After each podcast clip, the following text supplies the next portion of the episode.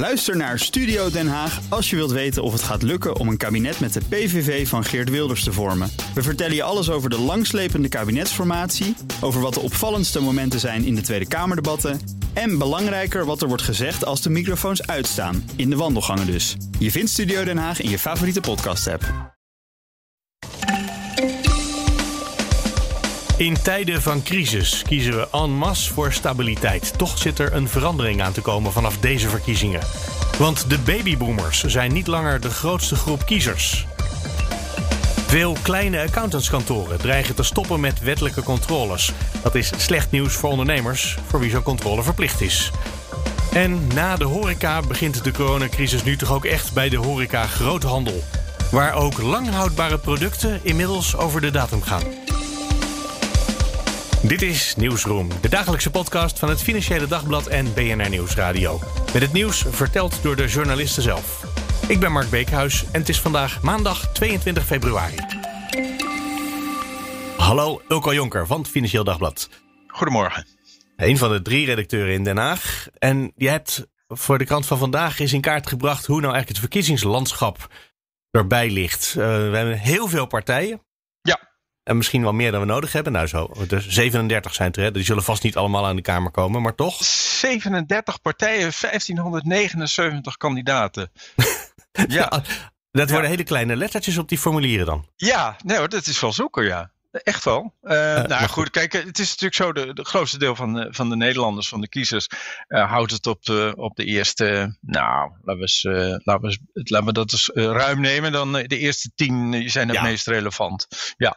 En daarbinnen natuurlijk, ja, praat je over vijf of zes die, die uiteindelijk in Den Haag de dienst uitmaken. Althans, in de praktijk een coalitie vormen.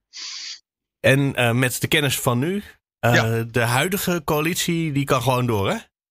Dat zou kunnen. Nou, Als gewoon naar de, in andere verhoudingen. Ja, precies. Als je kijkt naar de. Naar de ja, wel in andere verhoudingen, zeker. Maar als je kijkt naar uh, de, de zetelaantallen die nu in de, in de peilingwijze zitten.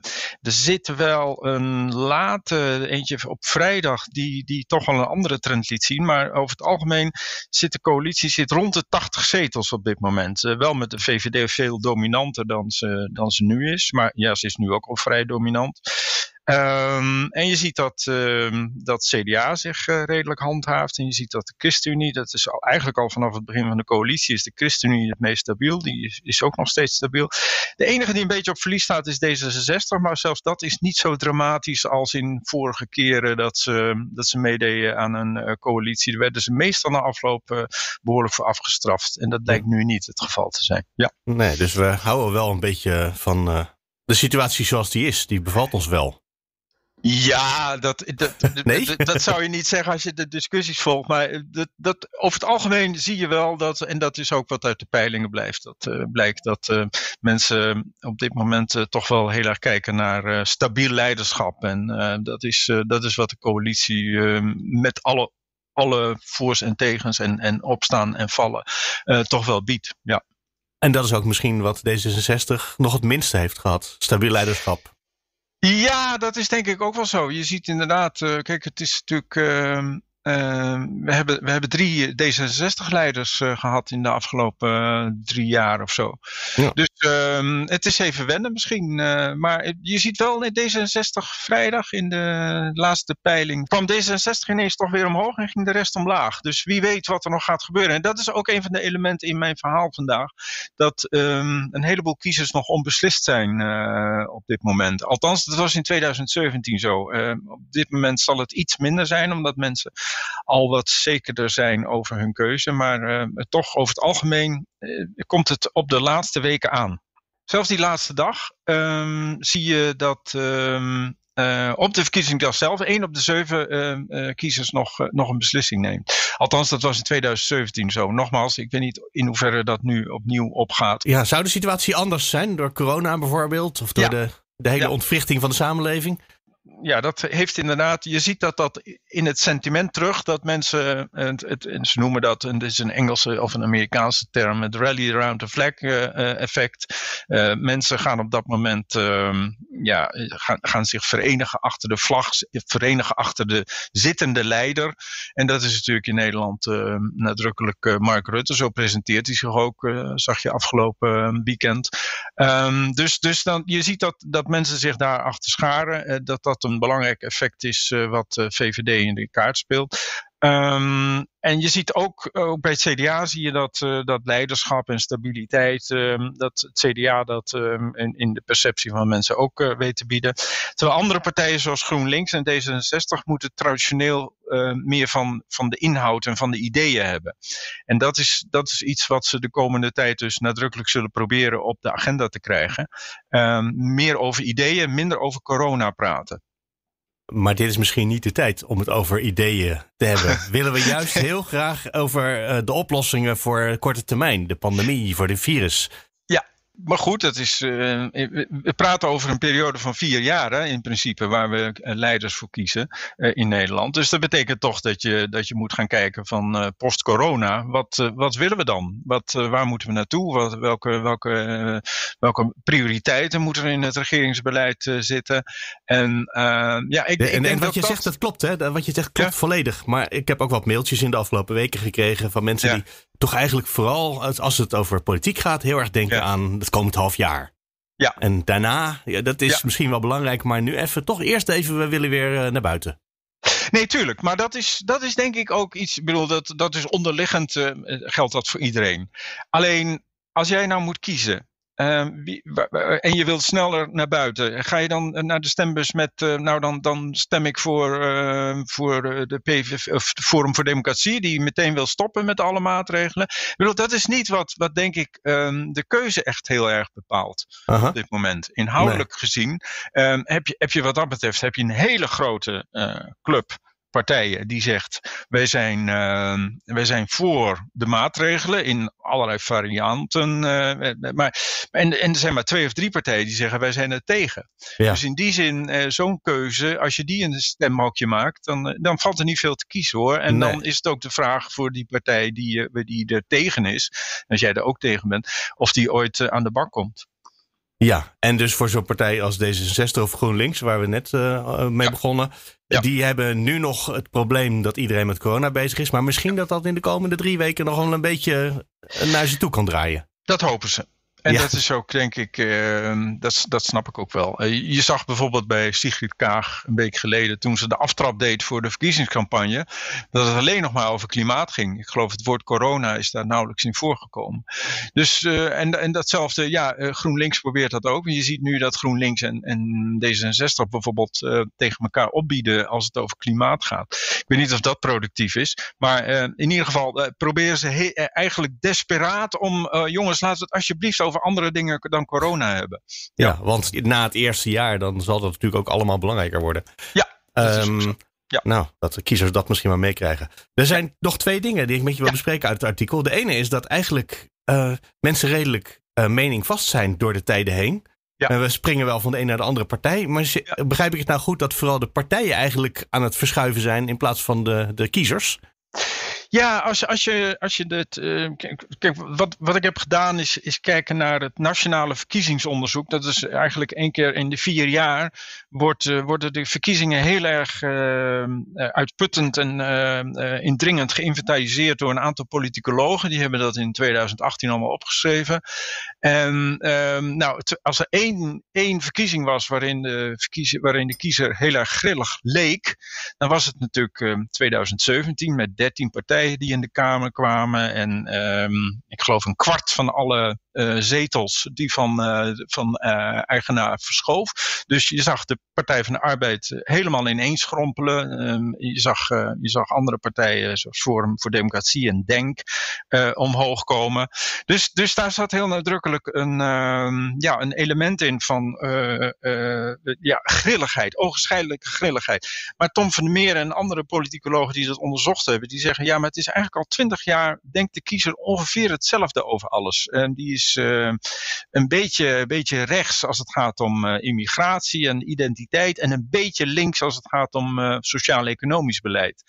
Um, dus, en, en daar zit, dat, dat is eigenlijk een rechte lijn, al twintig jaar. Dus, dus in die zin, de kiezer die is iedere keer opnieuw, maakt misschien wel een andere net iets andere afweging, maar het is, het is allemaal heel subtiel. Um, en dat is, dat is denk ik iets wat, wat, wat je ook wel in, in, in de coalitievorming uh, ziet. Dat Nederland geen land is met, uh, met hele extreme uitschieters als het gaat om links of rechts. Uh, uiteindelijk komen we altijd ongeveer in het midden uit. met een, de ene keer een, een accent links en de andere keer een accent rechts. En dat is, dat is, ja. dat is wel interessant. En dan vraag je, moet je je ook afvragen, ja, waarom, waarom hebben we eigenlijk 37 partijen waar je uit moet kiezen? Want, ja, Wou ik net vragen, want we hebben er dan eigenlijk met een stuk of vier, vijf misschien wel genoeg. Ja, precies. Per saldo is het toch altijd dezelfde hutspot. Dus wat dat betreft uh, is het, uh, is het uh, een, een, hoop, een hoop gedoe over niks. en, en naarmate die kleine partijtjes, naarmate er meer kleine partijtjes zijn en, en, het, en, het, en het dus ingewikkelder wordt om coalities te sluiten, ja, wordt het, wordt het landsbestuur ook wel, wel moeilijker. Zeker met ons systeem, waarbij je ook nog een Eerste Kamer hebt die tussentijds wordt herkozen. of althans voor een groot deel. Waardoor, waardoor je eigenlijk met, met, met wel, wel acht of tien partijen uh, tot zaken moet komen. Wat Rutte overigens goed afgaat. Ja, maar is dat het misschien ook dat mensen belangrijker zijn geworden? Dus dat we daarom ook zoveel partijen hebben, omdat je gewoon allerlei kleinere coalities hebt met uh, steeds één voorman of vrouw? Ja, dat is natuurlijk ook zo. Dat is ook wat je ziet. Ook, ook uit dat onderzoek uh, bleek dat. Um, dat bijvoorbeeld op dit moment, ik geloof dat dat een van de actuele opinieonderzoeken is, is dat um, Um, bijvoorbeeld bij de VVD, meer dan de helft van de kiezers die stemt niet op de VVD vanwege de ideeën. Dat is echt vanwege Mark Rutte.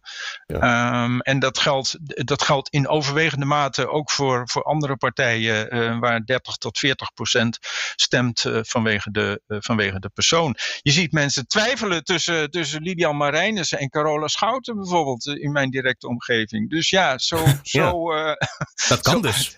Dat kan dus, ja. ja. ja.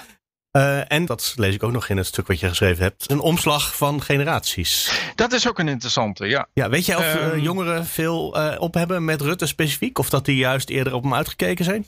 Nou, ik weet niet of het Rutte specifiek is. Maar de VVD doet het, doet het na, na twee andere partijen doet het, um, nog, het nog, nog relatief goed. Ja. Maar die twee die daarboven zitten, die, dat zijn GroenLinks en D66. Die doen het bij jongeren veel beter. En ook al zie je dat op dit moment nog niet zo in de peilingen, maar die groep wordt wel steeds groter en die wordt ook steeds belangrijker. Je ziet dat de, de babyboomers nu uh, bijna even, die waren eigenlijk altijd dominant hè, in, de, in de afgelopen twintig jaar in het, in het uh, kiezerslandschap. Um, dat die nu ongeveer net zo groot zijn, die groep, als, um, als de millennials en de jongeren. En uh, die millennials en de jongeren, daar, daar, zijn, daar zijn met name D66 en GroenLinks. En uh, daarachter de VVD dus, maar ook um, bijvoorbeeld Denk en Forum voor Democratie zijn daar, zijn daar relatief uh, populair. Dus dat, dat is een onderliggende verschuiving. En een van de mensen die ik gesproken heb, die spreekt zelfs van een generatiekloof die zich aan het aftekenen is. Tussen zeg maar, de babyboomers en de, en de millennials. En dat, dat zul je ook zien in de ideevorming. Misschien nog niet uh, bij deze verkiezingen, maar dan wel over vier jaar. Ja, zeker. En uh, ja, het wereldbeeld van die nieuwe generatie is, is wezenlijk anders dan dat van de, van de, van de oudere generatie.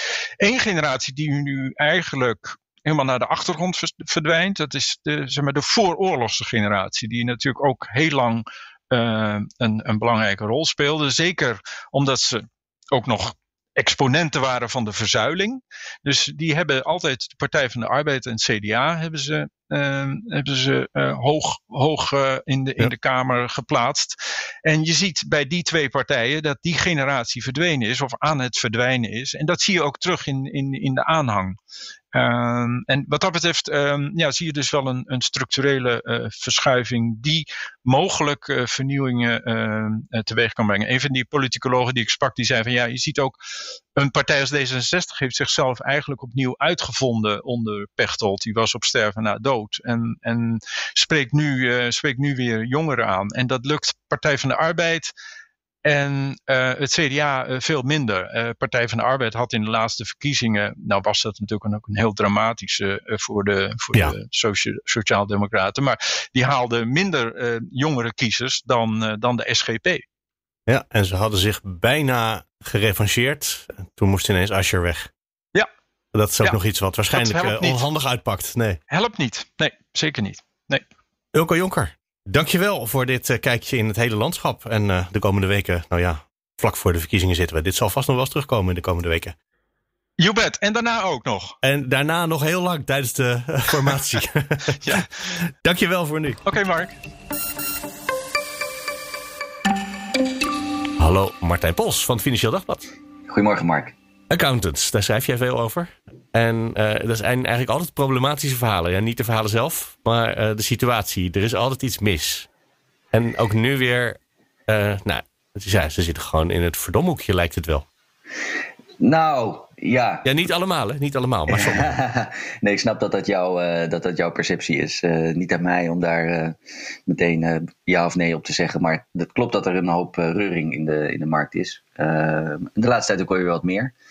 En niet alleen aan de bovenkant, maar ook aan de onderkant. en daar schrijven we natuurlijk vandaag over in de krant. ja, vandaag over de kleinere kantoren die um, er eigenlijk gewoon mee stoppen.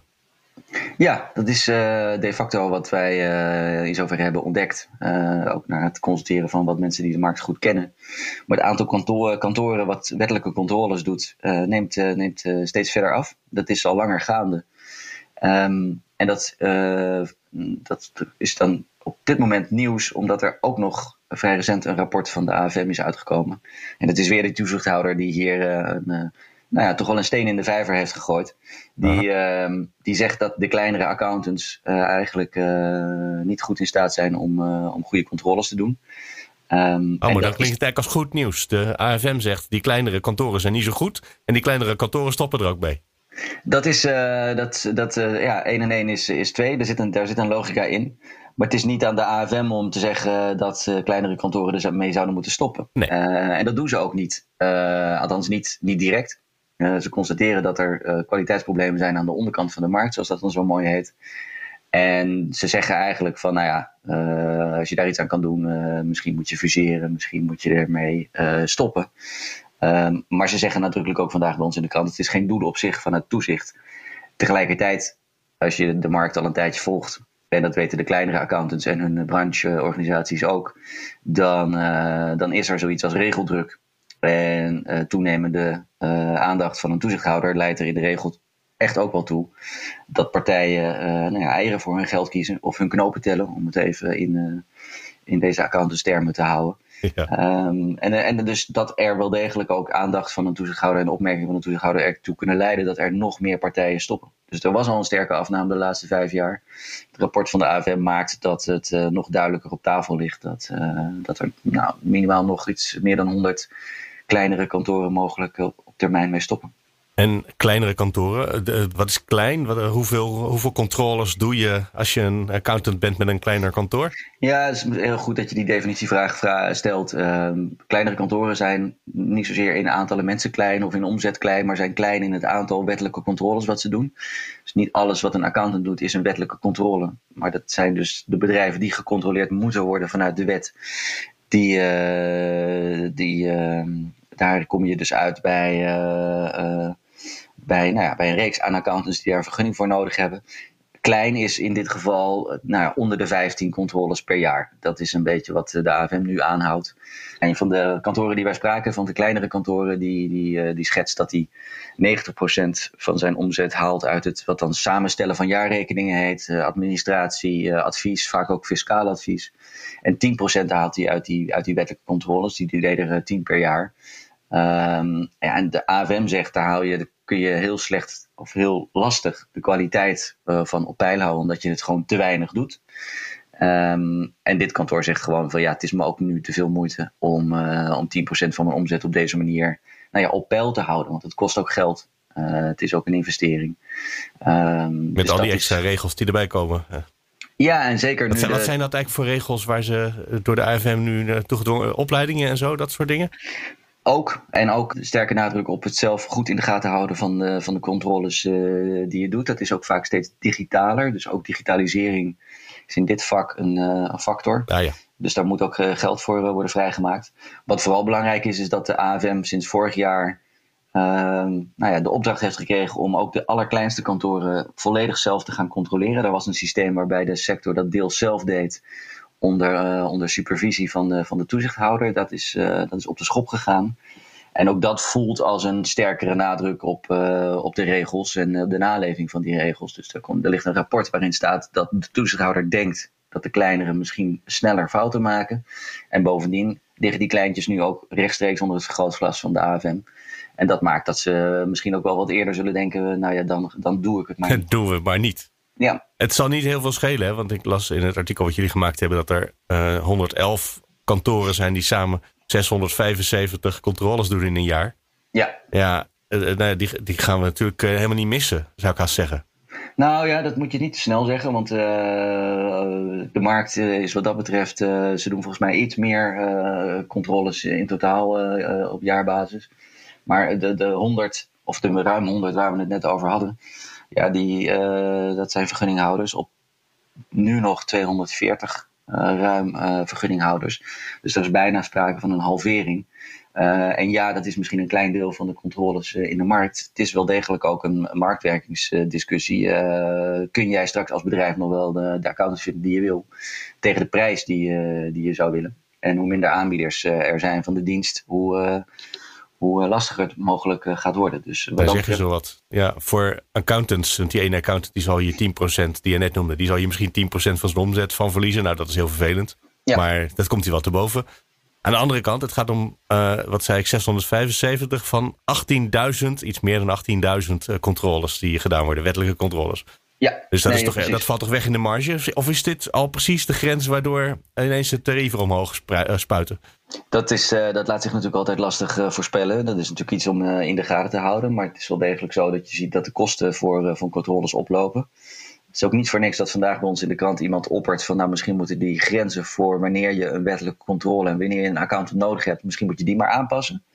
Want er worden nu best veel bedrijven, stelt hij, gecontroleerd, terwijl er eigenlijk geen publieke controle nodig is, even zo gezegd, omdat er enkel uh, nou ja, geld van de familie in zit of dat er geen externe partijen betrokken zijn bij dat bedrijf hè, die, in, die in sterke mate gecontroleerde cijfers nodig hebben. Nou, daar, daar kun je ook nog een discussie over, over hebben. Dus, dus schroef die wettelijke controledrempel op, zodat er ook minder controles nodig zijn. Uh, dat is ook nog een, een gedachte.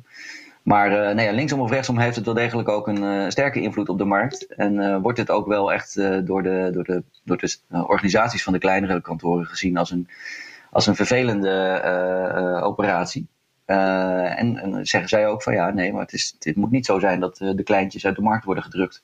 Enkel en alleen omdat ze mogelijk meer fouten maken. En ook dat is natuurlijk een, eh, een, een, een goed punt.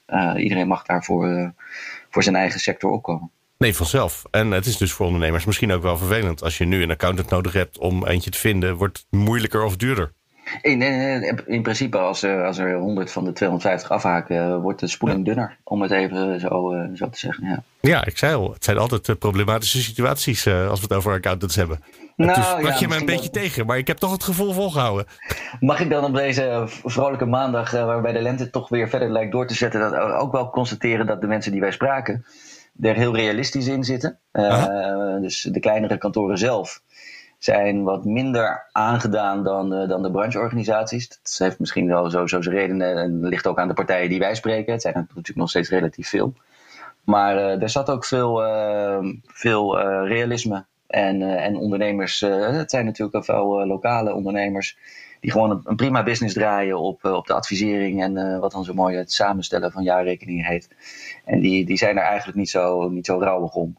Of beginnen er zelfs uh, niet eens aan. We hebben vandaag ook iemand in de krant die, die heeft dan klanten die groeien zo snel dat ze een gegeven moment een wettelijke controle nodig hebben. Dat zou hij dan zelf niet kunnen doen. Heeft daar nu iemand anders voor ingehuurd die daar ook weer een business van gemaakt heeft. Dus het is ook wel een aanjager van innovatie en, en, en ondernemerschap. En nou ja, wij troffen vooral realisme ook, ook aan. En dat, dat snijdt het mes aan twee kanten. Want dan heeft de AFM nou kwalitatief hoogwaardige controles, omdat er minder kleinere uh, accountantskantoren zijn.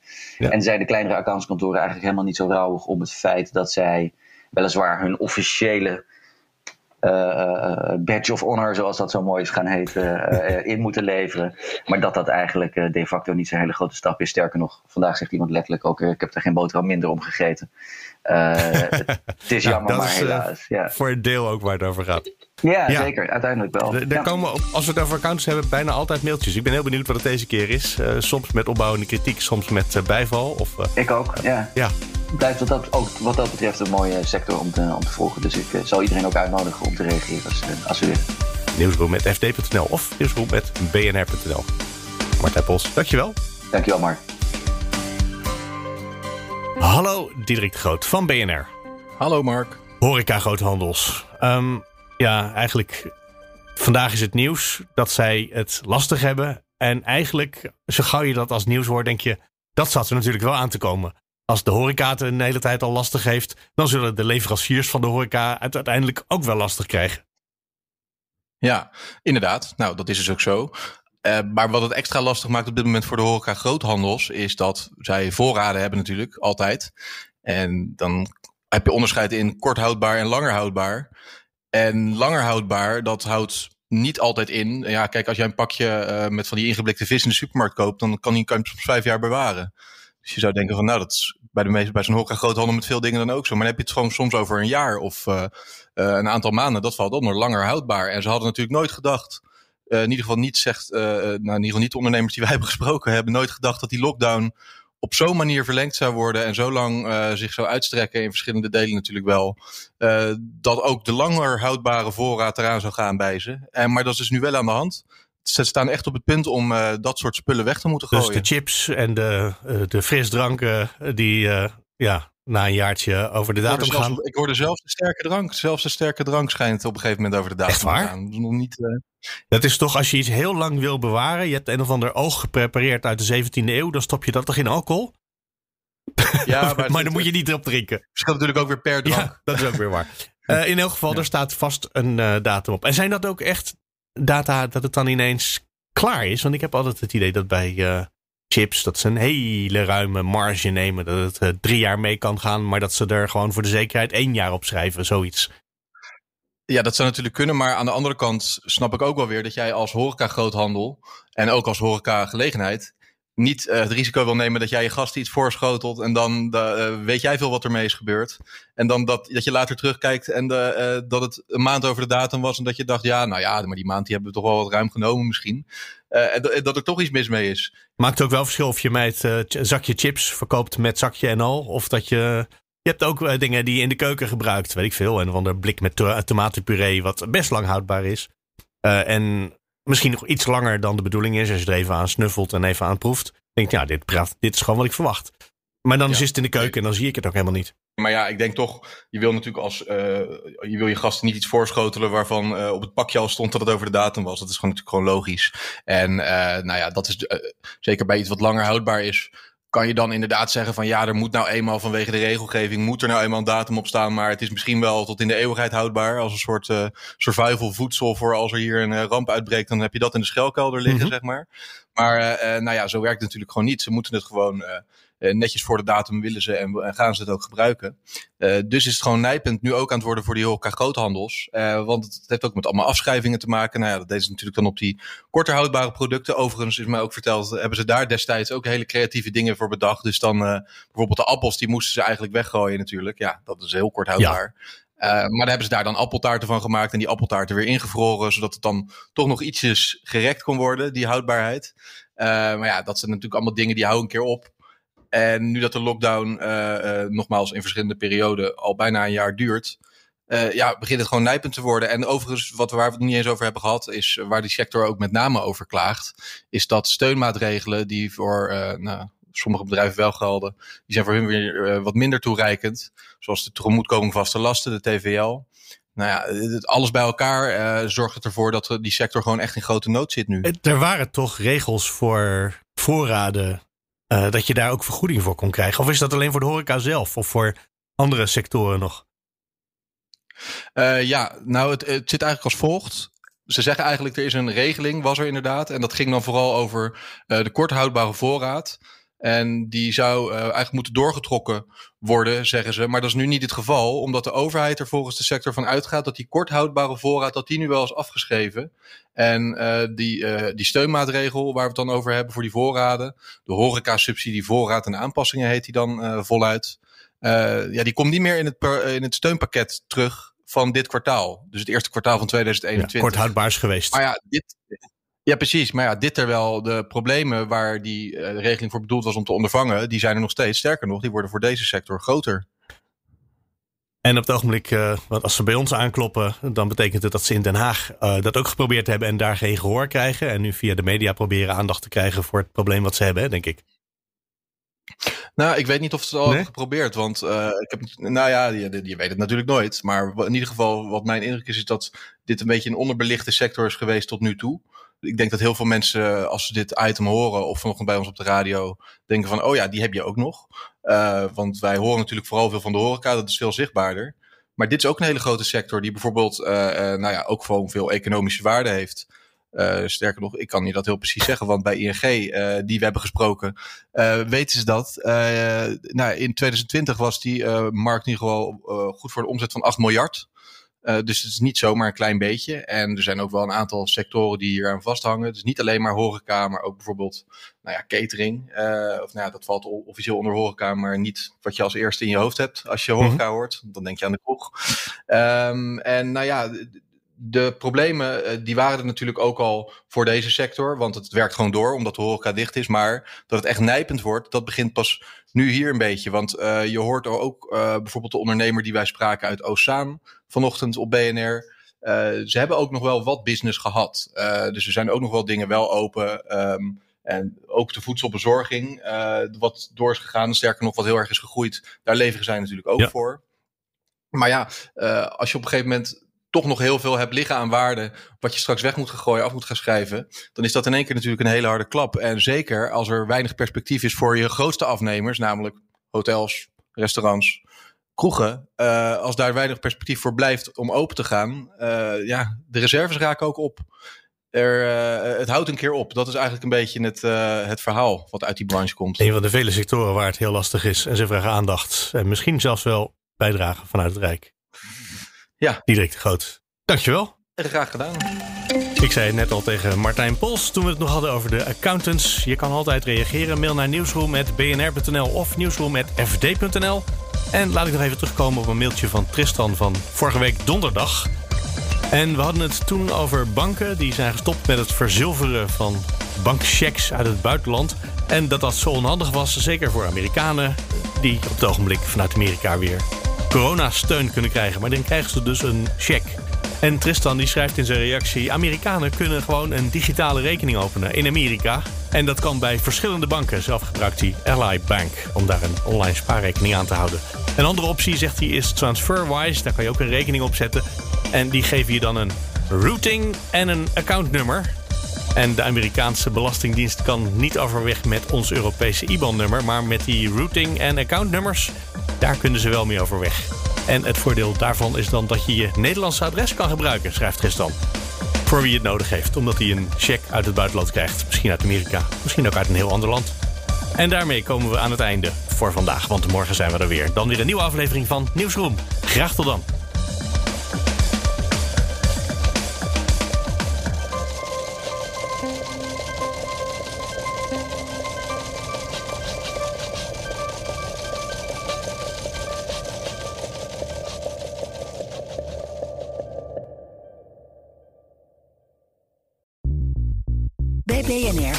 Altijd als eerste op de hoogte van het laatste nieuws. Luister dagelijks live via internet. Bas van Werven. En heel langzaam komt de zon op rond dit tijdstip. Je krijgt inzicht in de dag die komt op BNR, het Binnenhof in Nederland en de rest van de wereld. De Ochtendspits. Voor de beste start van je werkdag. Blijf scherp en mis niets.